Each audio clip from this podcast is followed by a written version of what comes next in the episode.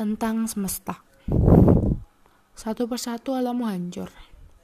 Manusia dengan pemikiran pendek, alam dan kekayaan yang terhambur. Realitanya, manusia sekarang hanya harta, tahta, dan otak cetek. Tentang semesta, ku tahu kau lelah, diambil tapi tidak pernah menerima kembali. Mungkin amarahmu cukup untuk membuat insan dia membisu.